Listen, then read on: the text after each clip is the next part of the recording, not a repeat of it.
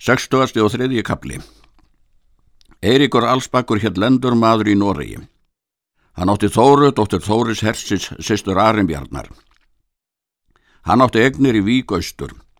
Hann var maður stór auðugur og hinn mesti virðingar maður spakur að viti. Þorstein hétt sonur þeirra. Hann fættist upp með Arimbjörn og var þá vaksinn mjög og þó á ungum aldri. Hann hafði farið vestur til Englands með Arimbjörni. En það sama haust sem Egil hefði komið til Englands spurðust af Noregi þau tíðindi að Eiríkur Allsbakur var andaður en arf hans höfðu tekið ármenn konungs og kastað á konungs einn. Og þegar Arnbjörn og Þorstein spurði þessi tíðindi þá gerðu þeir það ráð að Þorstein skildi fara austur og vitja arsins.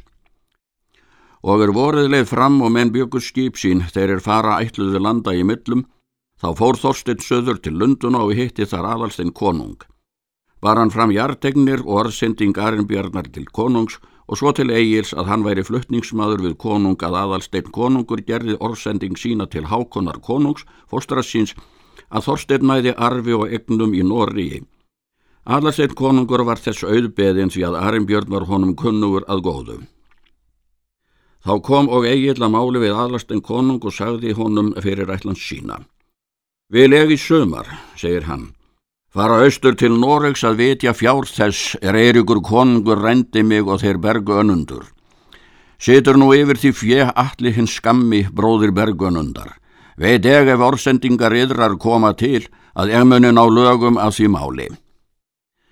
Konungur segir að Egil skal ráðaferðum sínum.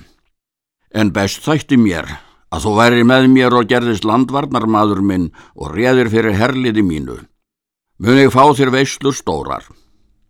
Egil segir Þessi kostur þykir mér allfísilegur að taka. Vel ekki því játa en eigi nýta. En þó verði ég fyrst að fara til Íslands og vitja konum minnar og fjárstess er ég á þar. Aðarsteinn konungur gaf allir kaupskip gott og þar með farminn. Var þar á til þunga kveiti og hönang og enn mikið fyrir annað í öðrum varningi. Og er Egil bjó skipsitt til hafs þá réðist til faran með honum Þorstin Eriksson er fyrir var getið, er síðan var kallað Þórusson og er þeir voru búnir þá syldu þeir. Stildust þeir aðastil konungur og Egil með henni mestu vináttum. Þeim agli greitist velferðin, komað Norgi í vík austur og heldi skipi sínu inn í Óslóðarfjörð. Þar átti Þorstin bú á land upp og svo inn allt á Raumaríki og er Þorstein kom þar til lands þá veitti hann tilkallum föðurarsinn við ármennina er sesthauði í bú hans. Veittu Þorsteinu margir liða þessu.